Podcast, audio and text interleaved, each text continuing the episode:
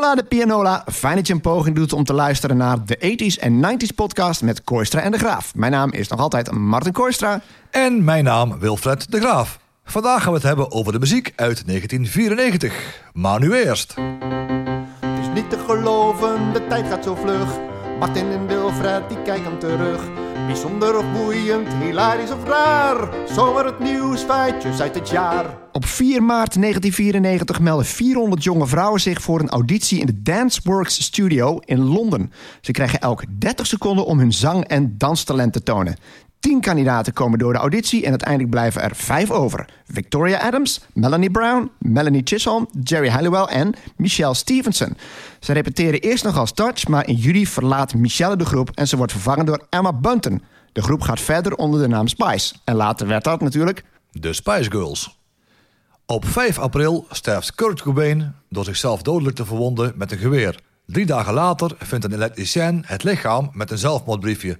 Bij de autopsie blijkt later dat Cobain vooraf een bijna dodelijke hoeveelheid valium en heroïne had ingenomen. Mede daardoor ontstaat het gerucht dat Cobain mogelijk is vermoord. Van 26 tot en met 29 april vinden de eerste democratische verkiezingen in Zuid-Afrika plaats sinds de afschaffing van de apartheid. Het ANC wint met meer dan 62% van de stemmen. Op 10 mei wordt Nelson Mandela geïnstalleerd als de eerste zwarte president van Zuid-Afrika. Regeringspartijen PvdA en CDA verliezen samen 32 zetels bij de Tweede Kamerverkiezingen op 6 mei. Grote winnaars zijn VVD, D66 en het Algemene Ouderenverbond. Het PvdA is nu wel de grootste partij en vormt de coalitie met D66 en voor het eerst in meer dan 40 jaar met de VVD. Deze coalitie gaat al snel door het leven als het Paarse kabinet. Op 6 mei wordt de kanaaltunnel officieel geopend door de Franse president Mitterrand en de Britse koningin Elizabeth II. Deze 50 kilometer lange tunnel loopt van Calais naar Dover en maakt het mogelijk om zowel per trein als per auto van Groot-Brittannië naar Frankrijk te reizen.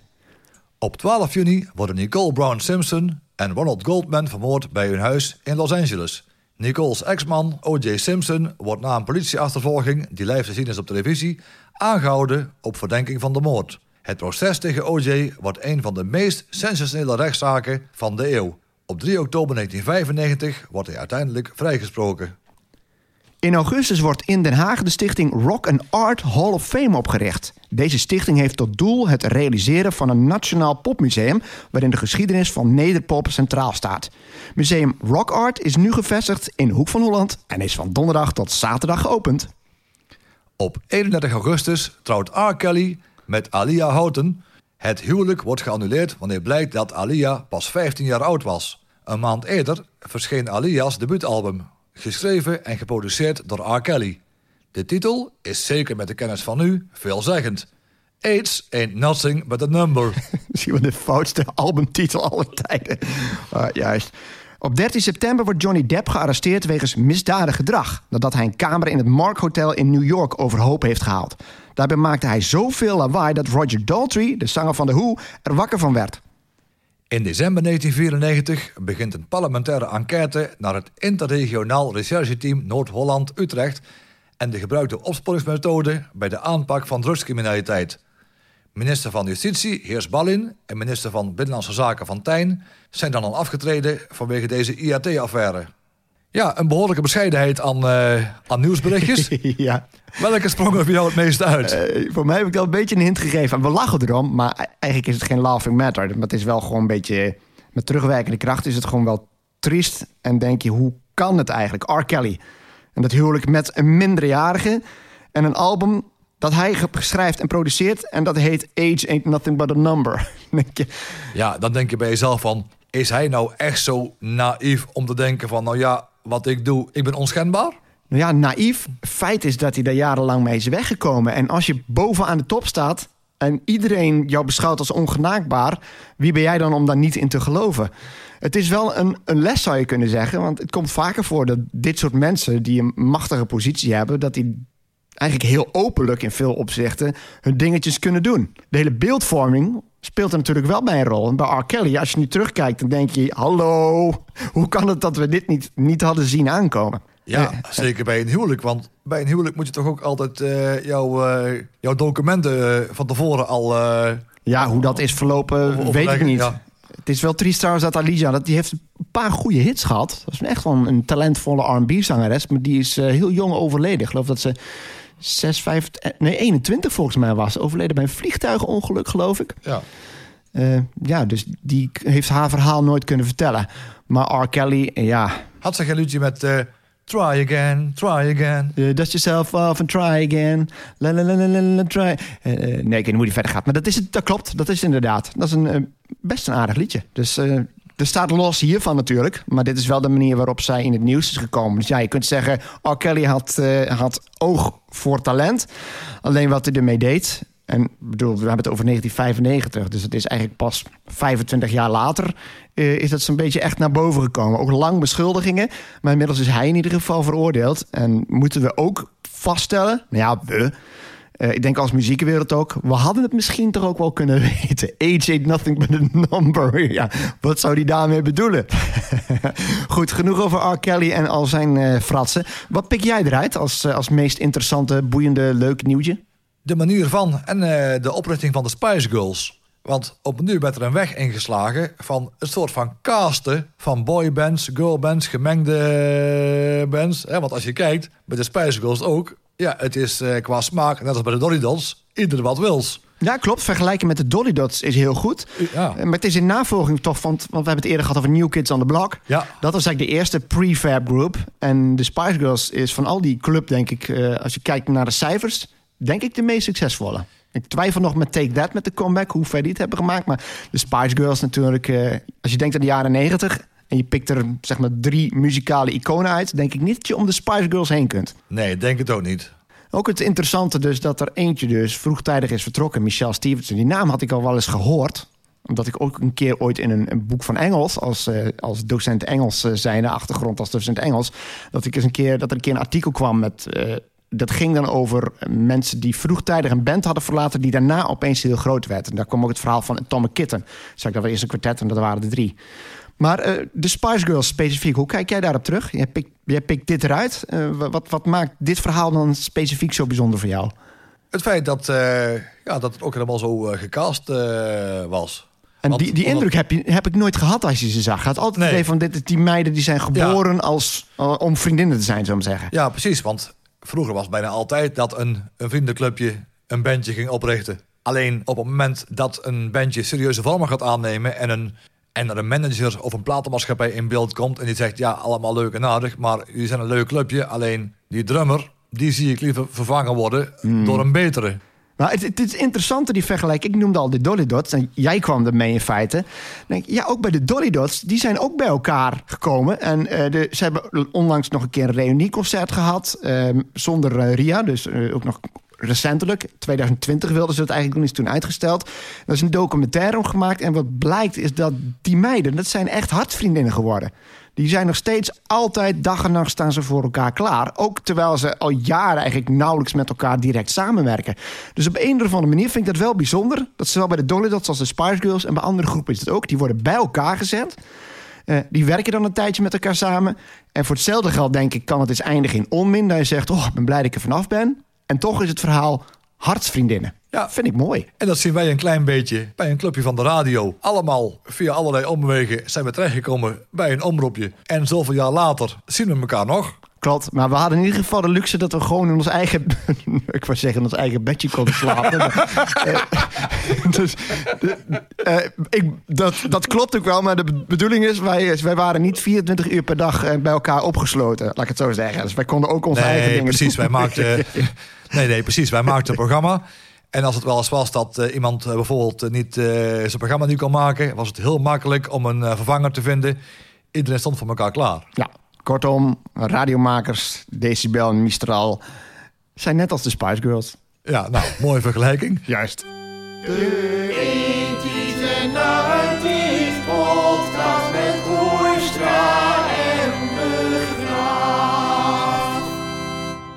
En er is het nu tijd voor onze muzikale top 10 van 1994. En daarvoor gebruiken we onze muziekbijbel, het Top 40 hitdossier. Martin en ik hebben elk vijf liedjes gekozen uit de single Top 100 van het jaar 1994.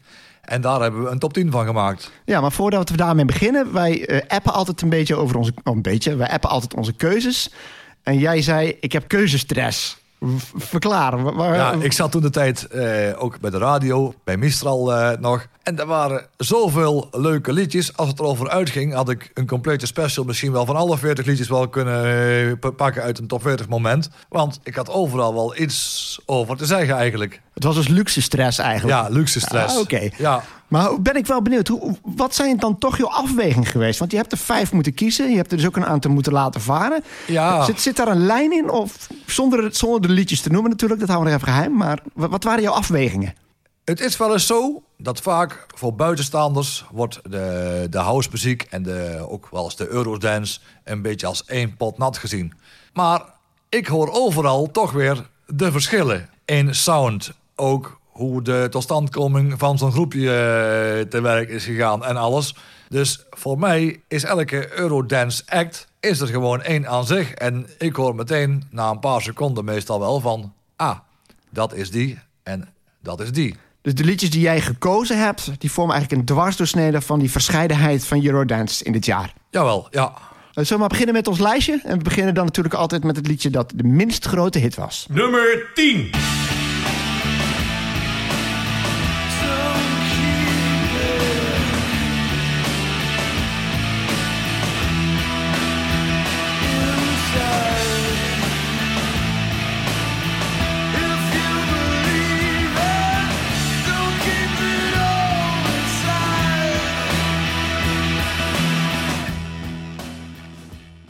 Stiltskin en Inside, geschreven door Peter Lawler, behaalde 208 punten, stond 9 weken genoteerd en bereikte plaats 6 in de top 40. Nou, ik zei 90% dance, er blijft er 10% over. Die gaan we meteen afvinken. Stiltskin en Inside. Eh super vette plaat. Ik ben ook een groot fan van de zanger. Eh, die is later namelijk nog in Genesis gezeten. Toen Phil Collins daar vertrok. Hebben ze nog één album gemaakt zonder Phil Collins. Eh, er zijn weinig mensen, denk ik, die zich dat realiseren. Ik vind het een erg goed album. Het niveau bij Genesis vind ik sowieso heel erg hoog liggen. Kritisch over het algemeen ook. Ik vind het zeker tot de betere albums behoren. En Ray Wilson die heeft zo'n stem die een beetje tussen Phil Collins en Peter Gabriel in zit. Maar hier ook die hele rauwe, stevige stem. Heel zelfverzekerd gezongen. Maar ja, waarom werd dit een hit? Weet je dat nog eigenlijk? Nee, eigenlijk niet. Oké, ja, dat, dat, is wel een dingetje. Want ja, je bent niet van de rock, weet ik. Maar die reclame, dat is een, een trend die wij zien in de jaren negentig... is dat liedjes hits worden door een reclame. En dit was wel een legendaris. Ik heb nog even teruggekeken, want ik wist nog vaag waar het over ging.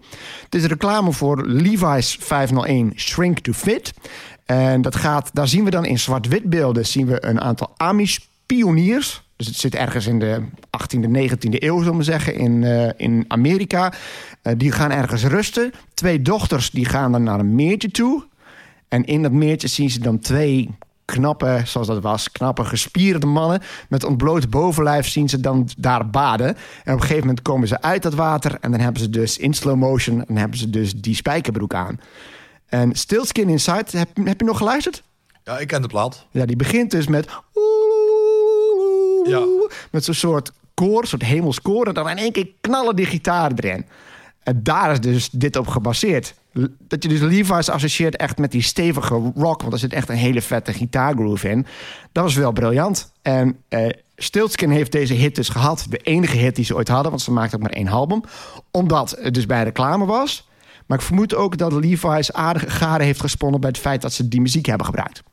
Wat vind jij? Want jij bent niet echt een rockliefhebber, maar Ik vind de arrangementen vaak wel, eh, wel goed, instrumentaal. Maar de zang vind ik vaak wat eh, te wild en te, te schreeuwerig.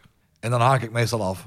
ja, dat is een algemene opmerking. En Ja. wat vind je hiervan dan? Valt dat onder die noemer? Ja, Oké, dat is, Ja, het is lange tijd geleden dat je een liedje dat ik gekozen heb... zo'n beetje weer afkraakt. Zo ervaar ik niet van. Weet je nog, Max en eh Ja. O'Connor en Belfast Child. En, eh. Ja, ik vind wel... eh, ze werden vergeleken met Smashing Pumpkins.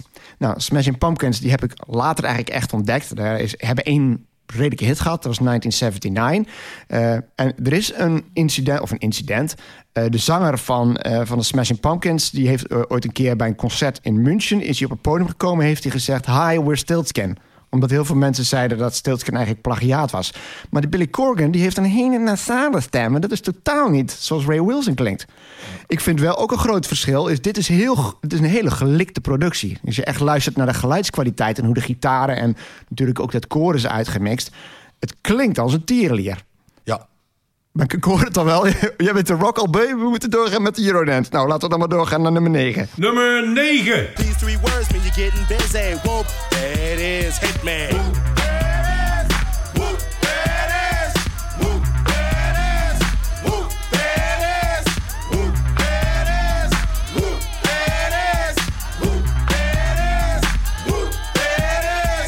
Upside down and inside out. I'm about to show all you folks what it's all about. Tag Team. Woom, there it is. Geschreven door Tag Team. Behaalde 210 punten, stond 9 weken genoteerd en bereikte plaats 6 in de top 40. Het was een, eh, de debuutsingle van een, eh, een rapduo Tag Team uit de jaren 90. En het eh, bereikte nummer 1 in de Billboard Hot R&B hitlijst en nummer 2 in de Billboard Hot 100. En ja, het was multi-platina. Het was echt een, een, een verkoopkanon.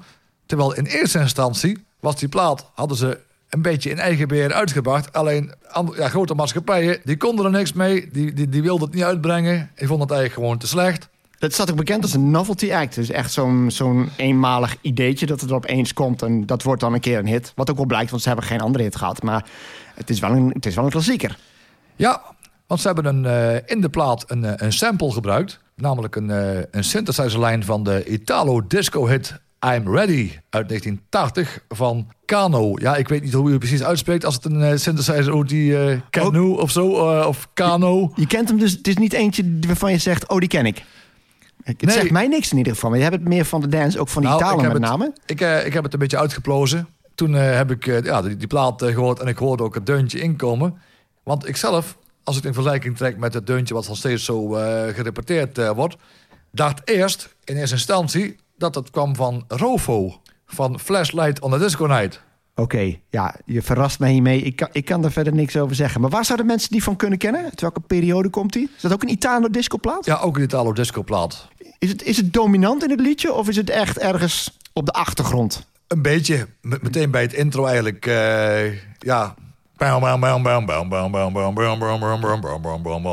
één keer de titel, dan ga ik hem onthouden. Dan ga ik hem luisteren. Van Rofo? Ja. Flashlight on Disco Night. Flashlight on a Disco Night. Die moet wat onthouden zijn. En dan zou het goed kunnen dat je nog het beste te horen is. Oh jee, daar gaan we weer. Oh, In de remix van een zekere heer Ben, die in Canada woont. het, duurde, het, duurde, ja, het duurde even, maar eh, de naam is genoemd. ik baalde, wel- ik zat er met Bond van doorstarters in mijn hoofd. Maar goed, die is bij deze ook genoemd. Oké, running gag. Hij is leuk, hij blijft leuk. Wist je trouwens dat hij nog twee varianten... Want ze hebben geen hit meer gehad. Dat is niet helemaal waar, want ze hebben nog twee varianten hiervan uitgebracht. Eén is bijna exact hetzelfde, maar eh, daar hebben ze muzikaal iets veranderd. Eh, weet je nog dat we hebben gehad over Doctor in the TARDIS? Bij de KLF? Doctor Who. Hey, Doctor Who. En toen zat onder zat Gary Glitter met Rock and Roll Part 1. Rock and Roll. En dan...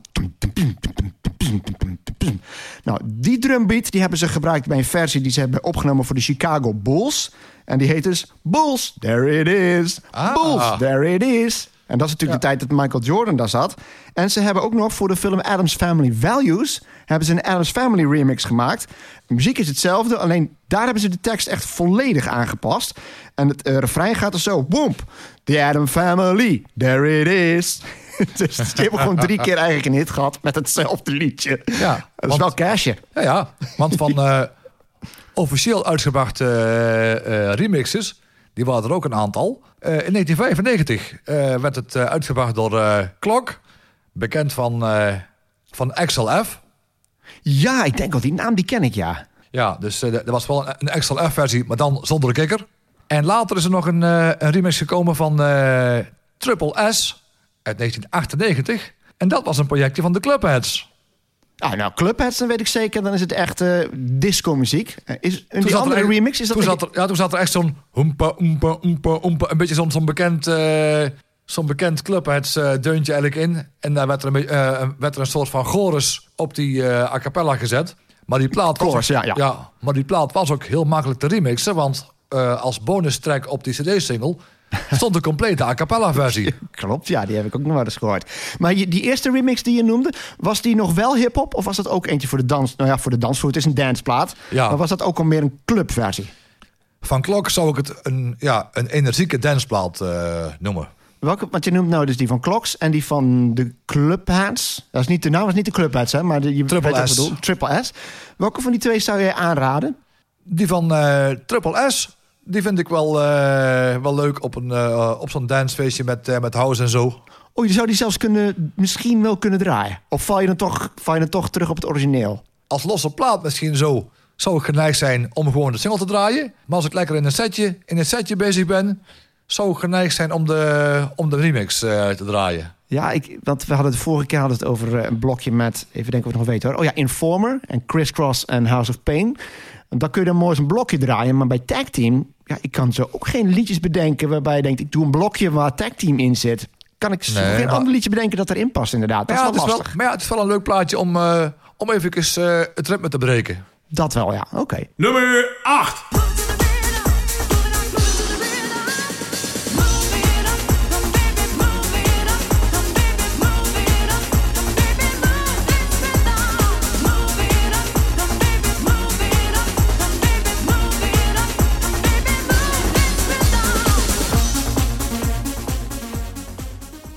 Capella, Move It Up. Geschreven door Alessandro Pasinelli, Claudio Maifini, Diego Maria Leoni en Gianfranco Bortolotti. Behaalde 242 punten, stond 10 weken genoteerd en bereikte plaats 6 in de top 40.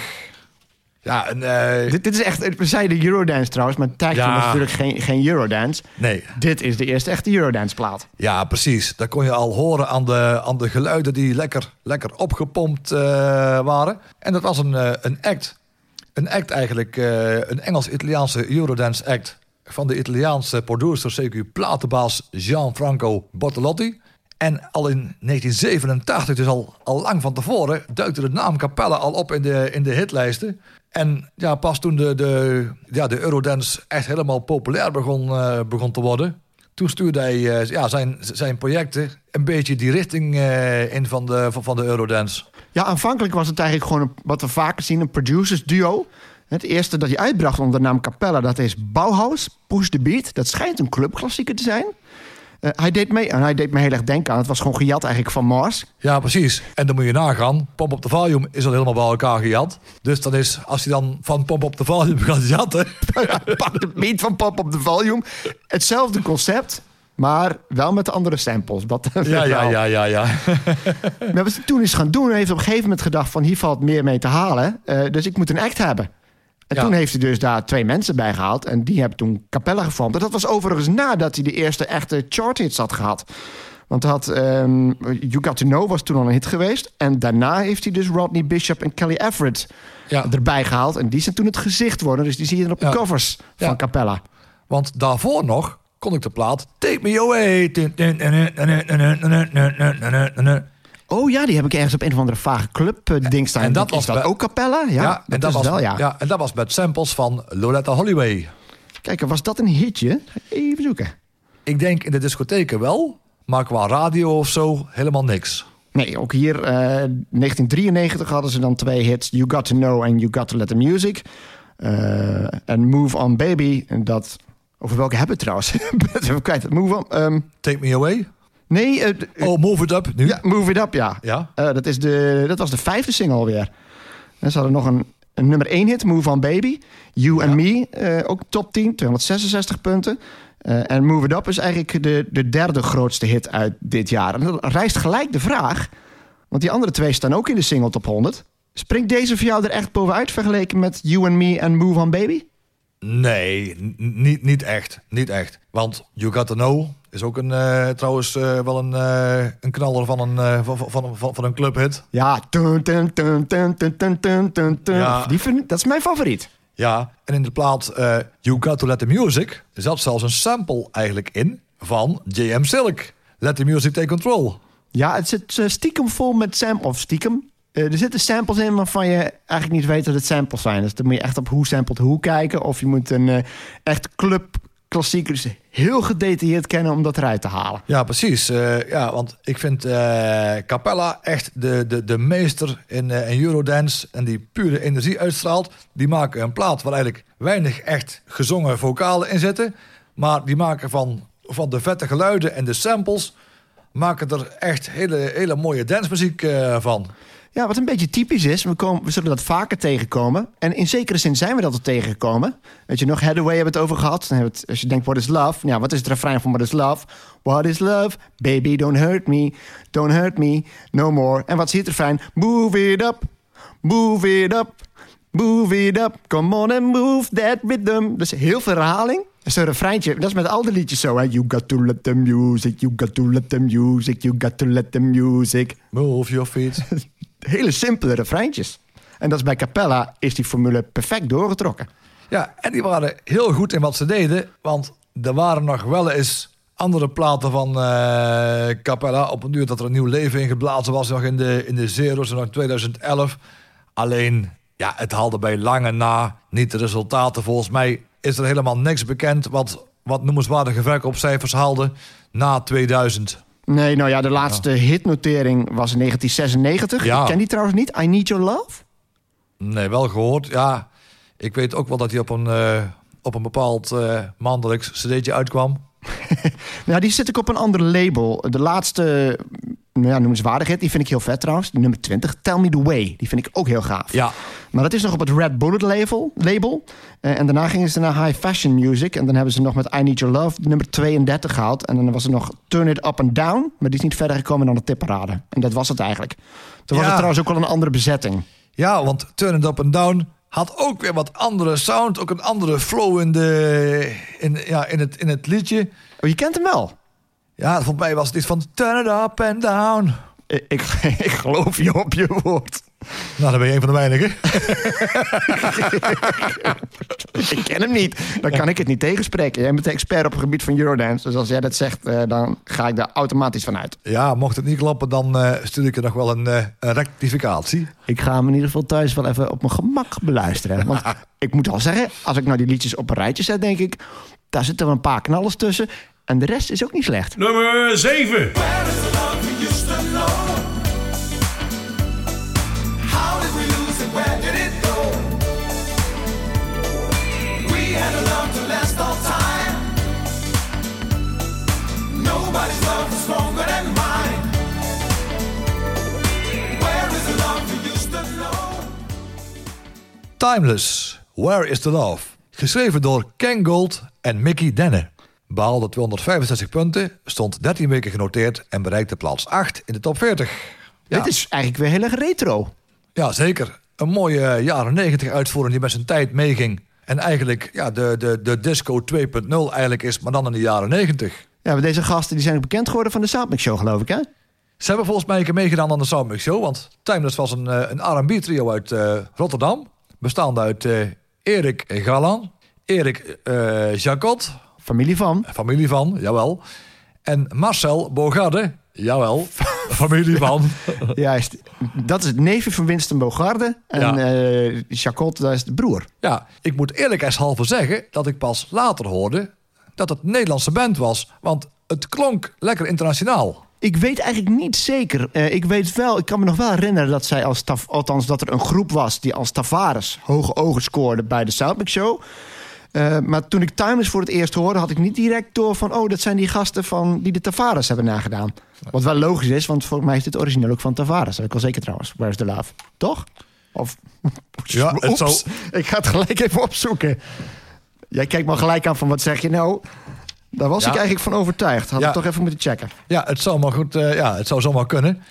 Want het grappige is, even een grappige anekdote. Mijn baas van de Nephews, die was nogal van, de, van het, eh, het trio ge- gecharmeerd van de heren van, eh, van Timeless. En met dat deuntje hebben Hans en ik nog een keer een promo gemaakt. Toen die kwam maar optreden in de Nephews in, eh, in Eindhoven, want daar ben ik bij geweest. Oh, oké. Ja, een keer gewoon op een leuke zondagavond.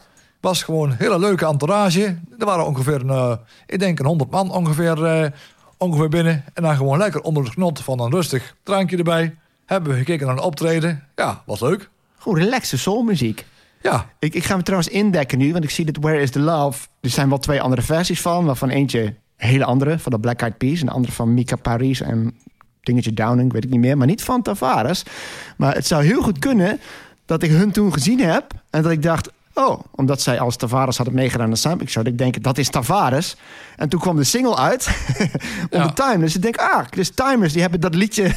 Dat Ja. liedje van Tavares overgenomen. Terwijl zij waren eigenlijk Tavares. Nummer 6. This is the rhythm of the night. Oh, night. Oh, yeah.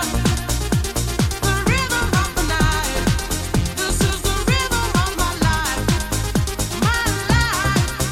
Oh, yeah. The rhythm of my life. This is the rhythm of the night. Corona, The Rhythm of the Night. Geschreven door Enno Lee Gordon, Francesco Bontempi en Giorgio Spagna. Behaalde 266 punten, stond 12 weken genoteerd en bereikte plaats 6 in de top 40. We we hadden met een probleem, hè? want we, waren, we wisten niet zeker wie nou de zangeres was. Ik dacht Olga Maria de Sosa. En wie dacht jij ook weer? Ik dacht eh, Jenny Borsola. Ja, en wie heeft er gelijk? Ja, ik. Ja. Ja. Het is te verklaren, dat zien we wel vaker. De ene is de zanger, zangeres, hoe het ook wilt. En de andere is het gezicht van corona. Dus degene die je ziet in de videoclip, dat is Olga Maria de Sosa. Ja, precies. Dat, al- ja. dat in ieder geval opgelost. Ja. Maar weet jij, Jenny B, die ken ik nog ergens anders van.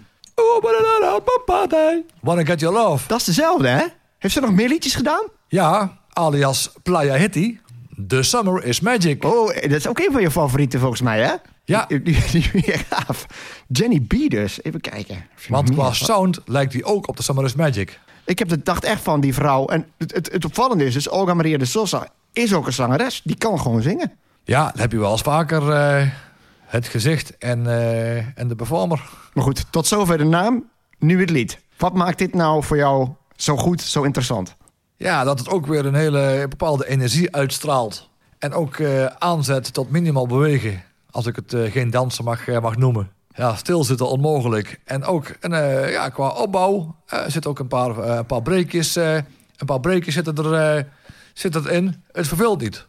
Oh, je had het eh, vorige keer had het over Usura, Open Your Mind. Lastig om te mixen. Dat geldt voor deze ook, hè? Het hoeft Summer niet. is magic. Eén is ma oh, Summer is magic. This is the rhythm of the één. The night. Oh, drie. The rhythm of the night. Vijf. Ja, nou hoe ik het in praktijk zou eh, doen. Dat er op een uur, eh, weet ik, er komt een, eh, een breekje. Tun, tun, tun, tun, tun, tun, tun, tun. En die gooi ik in een loopje. En dan kan de beat kan dan meteen in, eh, inspringen van de plaat. En dan op een uur loopje eindigen. En het gaat weer verder. Ja, ik heb een clubmix. Die staat op zo'n dance sampler, heet dat. En die clubmix die heeft na drie minuten heeft hij echt een stuk en dan gaat gewoon poem, poem, Ja. Een half minuut lang. Ik denk, ah, Ja. waarom zit dat erin? Want, ja, Dat is het mixmoment. want daarom zijn juist die 12 inches gemaakt. Om een plaat ook in een setje in te kunnen mixen en uit te kunnen mixen. Want single edits is leuk voor de radio.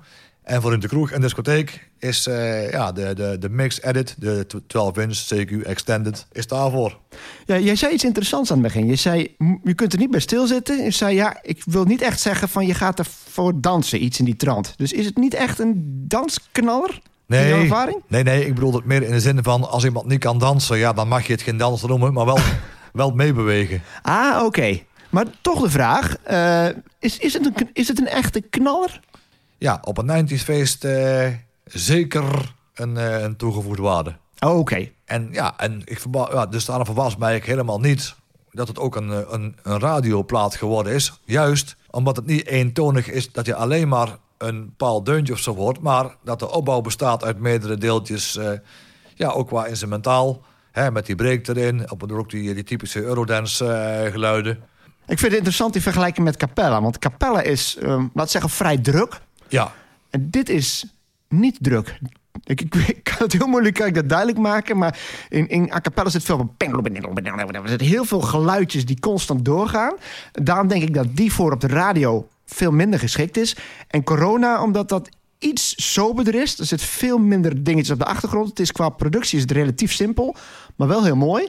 Denk ik dat dit een ultieme radioplaat is en Capella minder. Terwijl als het gaat om de energie, andersom. ja. Nummer 5.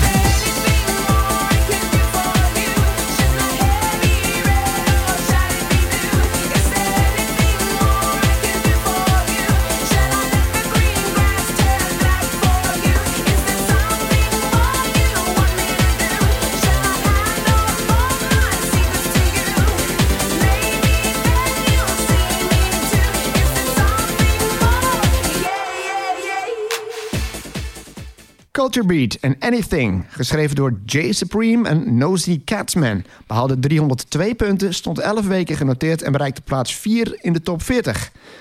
Eh beetje vreemd, want ik zoek altijd officiële biografieën op. Eh, en ik heb ook wel een paar sites waar ik, die ik eh, bekijk. En daar vond ik terug One Hit Wonder. En ja, ik begrijp wel, want als, als ik zeg Culture Beat, dus het eerste wanneer je opkomt is Mr. Veen. Mr. Veen. Maar potverdikke, dit is gewoon een plaat die nummer drie heeft gehaald in Nederland. En ik vind hem super gaaf. En wij kunnen zo als hoofd denk ik nou zeker nog wel drie liedjes van hun noemen. We hebben er net nog eentje op de radio gehoord. Got to Get It. En ook eh, van tevoren nog eh, No Deeper Meaning. No, ja, met, met de Tears for Fears sample. Ja, dus eh verbaast Ja. mij dat ze als een, een Take Me Away vind ik ook niet slecht trouwens. En zelfs, eh, en zelfs nog eh, I Like You. Eh, die ken jij nou al? Ja. Ik, ik ken hem niet. Wat- die kan ik me ook niet voor de geest halen. Ja, ik had het idee met, eh, met I Like You... dat ze nog een beetje zoekende waren qua muziek. Nou, ik vind bij deze vind ik zo bijzonder. Het heeft zo'n hoge energiefactor. Het is veel sneller dan eh Mr. Vane. Het is echt nog een tandje erbovenop. Super snelle rap. En er zit een, een van de vetste breaks in die je kent. Die zegt doenke doenke doen. Pom. Het vertraagt dan en gaat er gewoon in de maat weer door. Eh, en sowieso de energie. Dit is echt een stampen, man. Daar kan ik nou echt niet stil bij zetten. Als ik die in Ja. de auto draai, dan gaat echt, is het gewoon een headbangen op dancemuziek. En dit is mijn... Ik vind Mr. Veen heb ik hele goede herinneringen aan. Dus vanuit een nostalgisch oogpunt is Mr. Veen mijn nummer één. Maar als ik Ja. puur kijk naar kwaliteit en beleving van het liedje...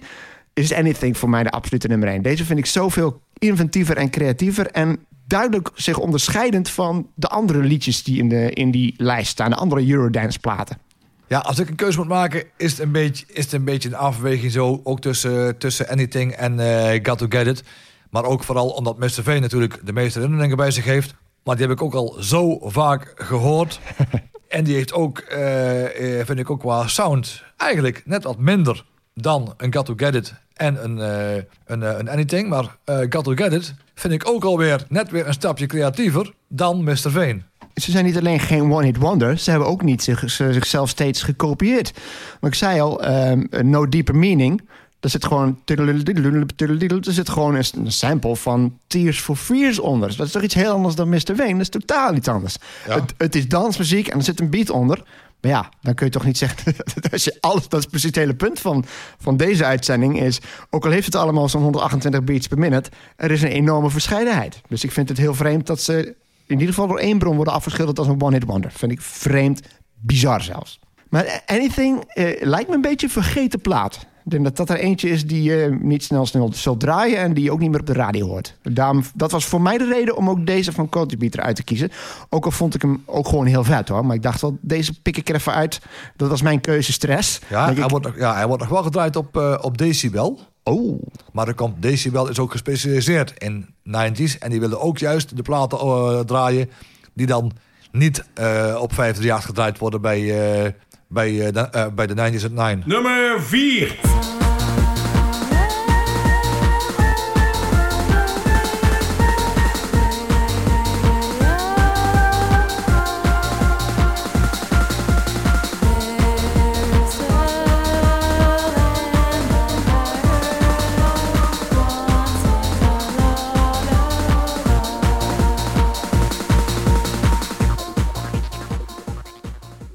Marusha, Over the Rainbow. Geschreven door Isidore Hoogberg en Harold Arlen. Behaalde 319 punten, stond 14 weken genoteerd... en bereikte plaats 6 in de top 40.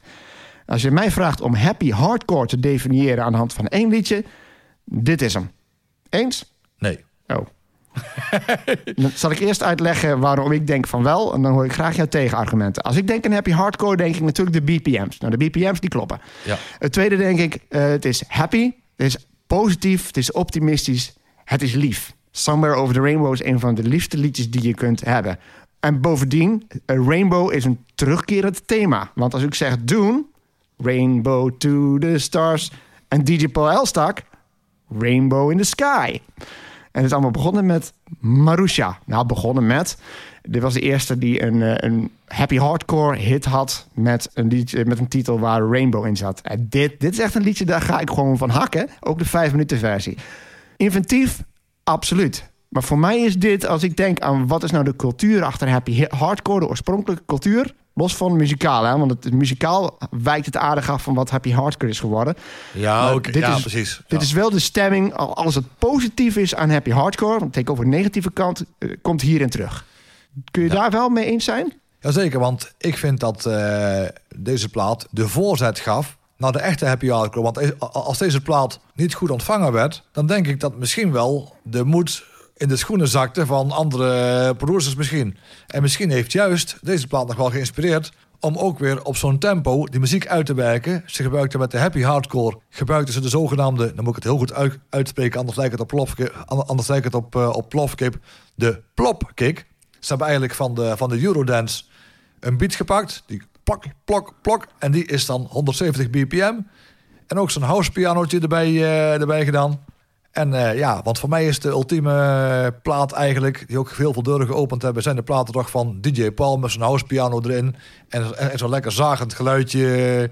En die, eh, de platen van DJ Paul, ja, we hebben het niet over DJ Paul, maar die platen waren overigens geproduceerd door de Clubheads.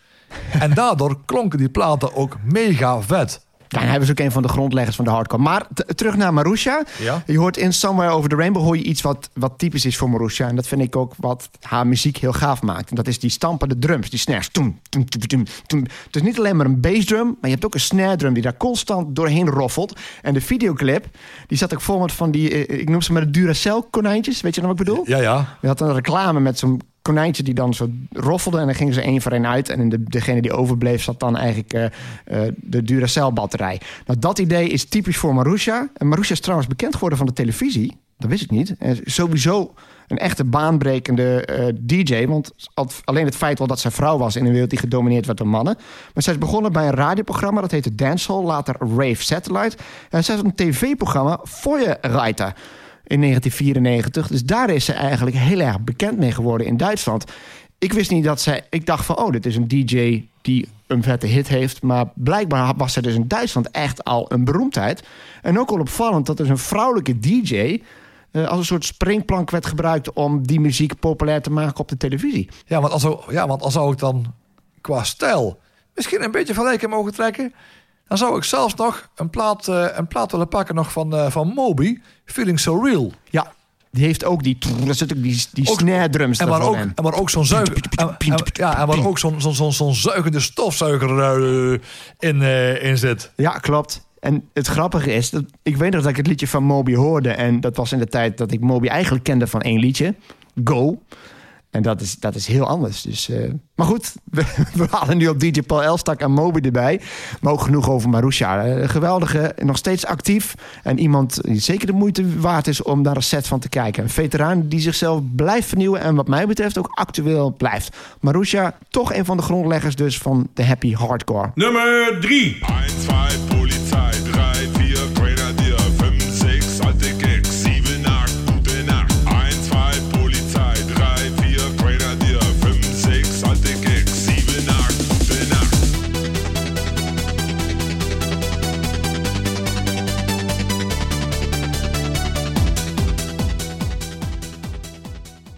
Modo 1-2 Polizei, geschreven door Claudio Cenaro en Fulvio Zavret. Ook bekend als Einstein Dr. DJ. Behaalde 323 punten, stond 11 weken genoteerd en bereikte plaats 2 in de top 40. Eh, ik, moet gelijk even gaan naar Super Good trouwens. Wat de vervolg was. Heb ik nog een herinneringen aan. Dat ik die voor de eerste keer hoorde. En ik denk dat jij er ook bij was. Dat was met Robert. En zette dat keihard aan in de studio. En dat, dat begon zo goed, goed, super goed. En ik zag meteen, zag ik Robert zo met zo'n geheim. Bonken.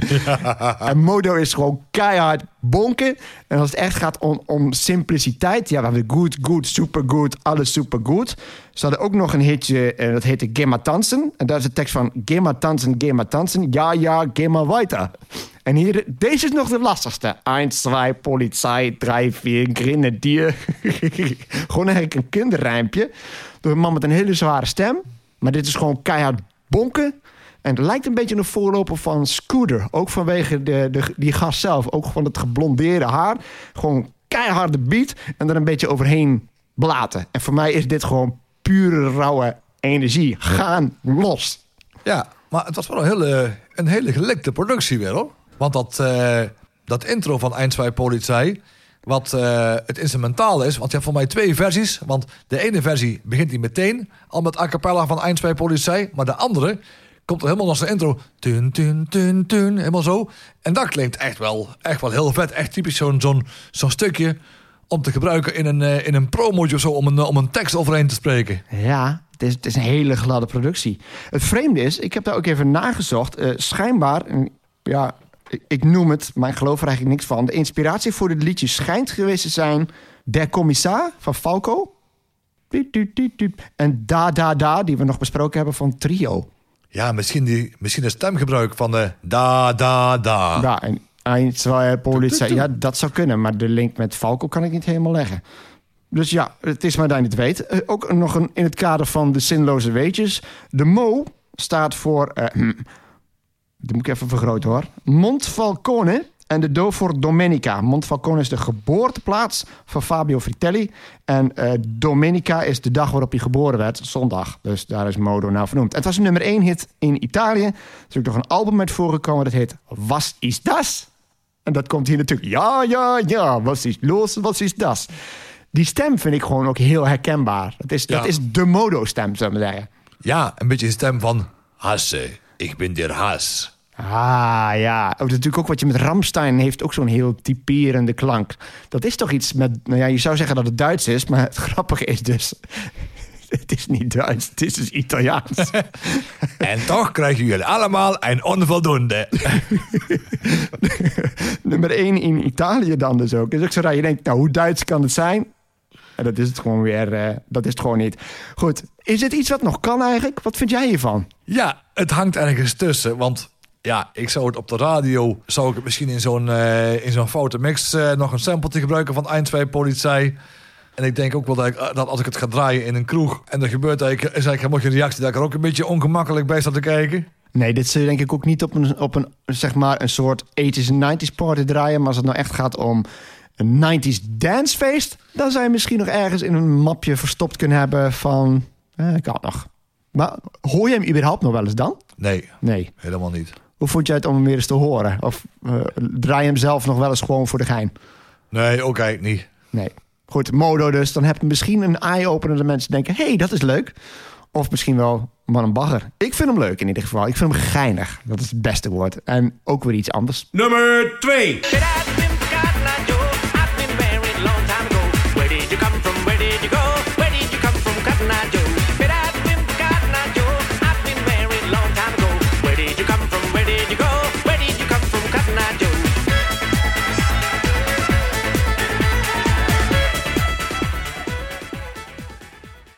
Rednecks, Cotton Eye Joe.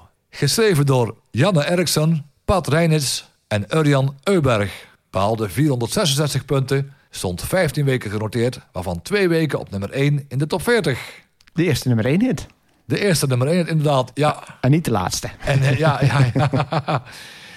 Maar het ook weer een plaats die er eh, weer een beetje uitsprong. Vanwege de country, de country invloeden die erin zaten. En ook heel die videoclip. Ja, de Rednecks is een eh, van oorsprong Zweedse muziekgroep. En die maakte halverwege de jaren 90 maakte die enkele grote internationale hits. Hè. De bekendste zijn eh, Cotton Eye Joe en Old Poppen dan ook. En ja, dat valt onder de categorie country house. Een beetje, ja, een beetje een ongebruikelijke mengeling van, van country en housemuziek. Ja, ik zou het meer folkhouse noemen. Dat een beetje... Ja, goed, we snappen wat ermee bedoeld wordt. Maar het, eh, het grappige is dat eh, ja, de, de groep is eigenlijk opgericht in, eh, in Stockholm. Maar ze verhuisden naar Amsterdam. Vanwege het uitgaansklimaat. En ook de invloeden ervan op de, ja, op de internationale house scene. Want de house scene speelde zich ook af in Amsterdam. Ah, Oké, is het liedje daar dan ook opgenomen, dat je weet? Of zijn ze daarvoor wel weer teruggegaan naar, naar Zweden? Dat weet ik eerlijk gezegd niet. Alleen, ik moet ook eerlijk eershalve zeggen... dat ik geen vergelijking zou kunnen trekken tussen de house in Amsterdam... die bijvoorbeeld in, in de Roxy en in de It gedraaid werd. Nee, en, oké. en nog eh, de muziek van, van de Rednecks. Nee, maar goed, het was natuurlijk ook niet een en al club scene. Het is alleen leuk als dit liedje ook nog een link heeft met Nederland, ook al is het Amsterdam. Ja. Tussendoor. Is dat toch alweer, eh, is dat toch alweer leuk. Ja. Maar weet je, weet je wat ik nou zo opvallend vond? Ik dacht echt, dat liedje komt met Cotton Eye Joe. Denk, eh, vaak gehoord, echt zo'n Dom liedje. En toen ben ik hem eens een keer gaan luisteren. Voor het eerst gaan luisteren op mijn koptelefoon. Ja. En toen dacht ik, potverdikke me. Ik dacht eigenlijk, dat, dat wat jij zegt is een beetje ouderwetse country... en daar een beetje onder, met een viooltje. Maar je gaat luisteren met de, Ja. die sequencer die erachter zit. En er zit veel in, hè? En ook... Het is een veel betere productie dan ik dacht. Ik dacht, zo, eigenlijk is het stiekem een hele goede plaat. En eigenlijk als je die dus op, eh, ook, ook op, een, eh, op een grote PA-installatie draait... die plaat is echt nog steeds heel dik geproduceerd. Dat was mij echt totaal... Dat was ik gewoon vergeten. Want je hoort hem dan wel eens inderdaad eh, ergens op de achtergrond. Ook met aquajoggen, wat we ook nog wel eens doen. Daar komt hij ook nog wel eens langs. En dan hoor je die details niet. Met een koptelefoon op en je gaat er echt naar luisteren... dan hoor je dat dus wel. En het is gewoon echt een steengoede productie. Dus ik ben deze wel gaan herwaarderen dankzij jou. Nou, kijk, we hebben toch nog iets, iets bereikt. Hè? Ja, ja. Ja, wel. maar eh, de Country House, zoals het dan eh, heet, werd heel goed ontvangen door het uitgaanspubliek. En daardoor denk ik ook wel dat misschien wel eh de Grid en de Two Cowboys meevaarden op het succes. Hè? De Grid met Swamp Thing en de Two Cowboys met Everybody Can't Gun. Ja, ik, ik zat net te denken... Dat is heel vreemd, want ik zat net te denken van... eh, ja, het is leuk dat het een genre is, maar het is toch een sub... Ik bedoel, dit, eigenlijk is Rednecks is Country House. Maar ja, dan noem je twee liedjes en dan denk ik... Oh ja, Swamp Thing. Met de de banjo. En Configi Gongi... Ik weet niet hoe de tekst gaat, maar dat is ook zo'n medig liedje. Die past ook in dat blokje Doe, of niet? Van de Cowboys en die... Ja, Ja. zo'n soort liedje is dat. Ja. Maar dat is dit ook. Ja, want bij, eh, bij Everybody Can't Gun zit op een uur zit er een geluidje in van... En dan moet je gaan, als je dan oplet, die komt dan op een moment wanneer je hem niet verwacht. Iedere keer die... "Yeehaw." Ja, er zijn dus wel zekere uitwassingen hiervan. Is het eigenlijk een doelliedje? Want het, het, lijkt wel een beetje op een liedje waar misschien een soort dansje bij... Ik weet het niet eigenlijk. Schiet mij nou opeens te binnen. Ik weet het niet, maar het wekt wel altijd een bepaalde feeststemming op. Oké, je hebt er nog nooit iets van een dansje op gezien of zo. Nee. Nee, eigenlijk niet. Het is wel een plaat die makkelijk eh, in een break in te mixen is. En ook te loopen. Dan kun je het publiek alvast een beetje opwarmen voordat die, eh, de eigenlijke beat erin komt. Het is een beetje zo'n grijs gebied geval. Als je ze ziet, dan denk je het is fout. Maar in feite, op een normaal 90s party kan hij eigenlijk prima. Ja, Er is niemand die zegt, dit is fout, denk ik. nee. Nou, nee. een beetje wel, ja, maar ja misschien, misschien wel. Maar dat is het, het grijze gebied. ja, het blijft gewoon zo vet. Ook voor die bier drinken van... Ja. Het, en het grappige is dan ook, eh, zij, het, het zijn dus Zweden, maar ze hadden ook artiestennamen. En dat waren dan van die typische uh, boerennamen, zullen we zeggen. Je had dan de, de zanger, die heet, pardon, de zanger die ook banjo speelt, die heet eh, uh, Kentucky. Met A C K Grieks ei. Maar dat heette eigenlijk Arne Arrestrand. En de zangeres die ging dan door het leven als Mary Joe. Maar die heet in feite Annika Ljungberg. Dus ja, Mary Jo en Kentucky. En dan een van de violisten, die heette nog Bobby Sue. Dat is ook alweer zoiets. Misschien, misschien wel het eerste non-binaire, eh, eerste non-binaire popster. Nummer 1. Nice, sweet, fantastic. Bitch up on the ocean, that's a bit Titanic. Come on, nice, sweet, fine, energetic. Bitch up on the ocean, that's a bit Titanic. Come on. I like to move it, move it.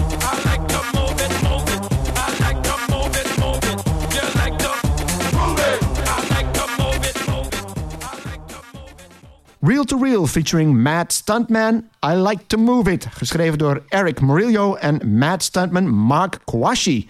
Behaalde 599 punten. Dat is een record tot nu toe, volgens mij bij ons. Stond 19 weken genoteerd, waarvan 4 weken op nummer 1 in de top 40. Dan ben ik benieuwd, want jij hebt ook nog op kindercarnaval gedraaid... jaren nadat dit een hit was. Eh draaide jij dan deze versie? Of kwam, was dat dan toch die versie van Madagascar? nou, eigenlijk geen van beide. Nee? nee. Oh, oké. Nou, ik denk er is een hele generatie is opgegroeid. Ik heb dat zelfs iemand horen zeggen. Er kwam dit liedje voorbij en die zei... Huh? Ik dacht dat het uit Madagaskar kwam.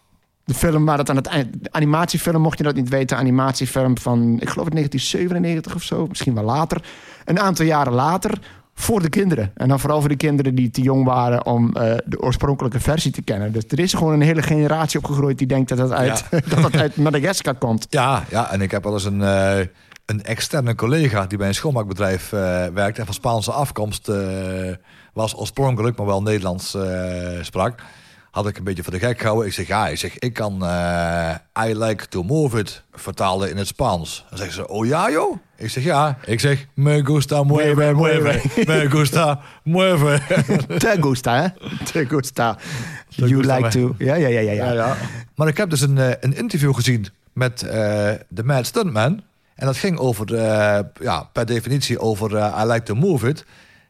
Heel de instrumentale track, die was er al. Maar ja, goed, die, dat is meestal. Maar de tekst, die was er nog helemaal niet. En eh, de Mad Stuntman, die kwam, eh, die kwam daar. En eh, producer Eric Morello, die zei... Nou, hè, ga lekker improviseren. En toen van het een kwam het ander. En later die hoek met I Like to Move It, dat had hij ook geïmproviseerd. En toen zei die Eric Morillo zei van... Hey, als je nou een beetje zo'n Cookie Monster voice opzet met... I like to move it, move it. En die houden we erin. En later het antwoord terug van move it... was volgens mij nog niet eens met een echte studiomicrofoon... die iemand van zijn knaar had. Maar tijdens de opnames waren gewoon de de anderen aanwezig in de studio... Move it! Een typisch geval van het, het publiek inschakelen. En ik denk dat, eh, dat discjockeys dat ook gebruikt hebben. Dat je gewoon het refrein draait en daar bij Move It... even die, die microfoonschuiven dichtgooit om het publiek te laten meedoen. Een soort audience participation. Ja, Maar wat wel interessant is ook to Real is... eh, ze hadden, of ze, hij... Dus eigenlijk is het Eric Morillo. Het is featuring Matt Stuntman. Dus Real to Real is eigenlijk alleen Eric Morillo. Die had wel één clubhit gehad. De New Anthem. En dat is alleen maar instrumentaal. Vind ik ook iets minder, maar het was blijkbaar wel een clubhit. Het is dus, durf ik wel te zeggen, is de Matt Stuntman... die het echt heeft, zijn sound ook echt heeft opgekrikt... tot iets unieks Ja. en iets dat gewoon super gaaf is. Ja, want later, ja, ik, ik durf het. Die hebben, ja, die hebben waarschijnlijk met een schuin, eh, met een schuin oor meegeluisterd. Zik en zak. Damn girls. Eh, eh, eh, eh, eh, eh, eh, eh. Klopt, ja. En ook daar hebben we weer een voor, voorbeeld van hoe te- televisie en muziek elkaar dan eh, kruist. Maar Real to Real had nog een paar hits trouwens. Die vind ik ook best vet. Go on Move. One, move. Let your body groove. Can you feel it, baby? Can you feel it, baby? Can you feel it, baby? Can you feel it, baby? En dan, huh, I wanna jazz it up. Ja, die was er wat later. En dat had wel een iets andere sound. Ja, minder. Ja. Dat wa- ja, dat was, eh. Er zat meer, ja, hoe zeg je dat? Meer groove zat, er, eh, zat erin. Wat, eh, wat subtielere geluidjes. Ja, het was in ieder geval een poging om zichzelf opnieuw uit te vinden. Bescheiden hitje Ja. geweest. En daar is het ook bij gebleven. Maar het is met veel van de Eurodance acts ook dus omdat er producers achter zitten die op een gegeven moment denken: ik wil iets anders doen en dat ga ik onder een andere naam doen.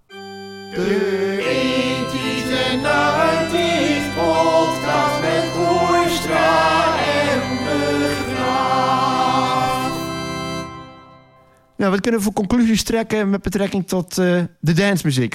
Is er eigenlijk nog iets dat we niet gezegd hebben? Nou ja, eigenlijk dat, eh, dat er qua tempo over het algemeen niet heel veel verschil in zat. Maar wel qua sounds en ook qua opbouw. De een had echt eh, vocale dancemuziek en de ander meer samples. Ja, ik vind, ik vind zeker de keuzes die we gemaakt hebben. Ik ben er overigens niet zo heel erg mee bezig geweest met echt allerlei verschillende danceplaten. Ik heb gewoon echt degene gepakt die ik gaaf vind. Maar je kunt eigenlijk geen twee liedjes naast elkaar leggen en zeggen dat zijn bijna kopieën. Ik bedoel, Modo en Real to Real, two worlds apart. Marusha en Timeless, Tag Team en Capella. Het is een hele mooie. We denken dan Eurodance of dance in het algemeen is dan allemaal hetzelfde.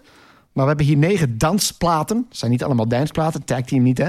Maar negen da- dansplaten. Heel divers. Dus ja, het is toch minder eenzijdig. Wat ik dacht van, Ja. hè, we hebben één rockplaat en verder alleen maar dansmuziek. Ja, het is muziek om op te dansen, maar heel divers. Diverser dan ik had verwacht vooraf ook. Ja, de enige overeenkomst die ik zie is dat eh, de, het intro van Cotton Eye Joe bestaat uit een regel die zich herhaalt. En dat geldt ook. I like to voor move it, I like it. to move it. 1, 2, politie. This is the rhythm of the night. Begint daar ook mee. Where's the love? Dus, dan weer dus, niet? dus eigenlijk kun je wel zeggen. Boom, dat er- There It Is begint ook met... ja, je kan eigenlijk wel zeggen dat er wel veel platen zijn die een a cappella intro hebben. En dat dan meteen al de eerste beat eigenlijk al bepalend is van wham, daar komt hij. Move It Up begint ook gelijk met de zang, hè? Baby, da da da da da. Ook gelijk de zanger in. Wat verdorie, ja. Tag Team, Corona, Culture Beat, niet. Marusha ook niet. Nou, is er niet van. Is there anything? Oh, klopt, ja, de singleversie. Ja, klopt. Ik draai altijd de extended versie. Ja, maar de singleversie klopt. Begint ook gelijk met de zang. Dan blijft dus alleen Timeless over. Maar ja, Timeless is ook geen Eurodance. Dus dat is interessant. Hebben we gewoon toch gevonden dat ze eigenlijk allemaal meteen erin knallen met het refrein zo'n beetje. Ja, Hathaway ook, hè? What is love? Kom je toch wel bij Hathaway. Nou, voor de Martin Bingo gaan we, voor de Martin Bingo gaan we uh, Hathaway aankruisen. Eh, nou, dan ga ik er gelijk nog eentje noemen. CB Milton. Ja, maar die naam kan ik niet, lang, ja, niet vaak genoeg horen. Dat is eh, geweldig. Daarom gaan we nog één keer zeggen ter afsluiting. In koor. CB Milton. En daarmee zijn we aan het einde gekomen van deze aflevering van onze podcast. Leuk dat je wilde luisteren. Houdoe. En bedankt.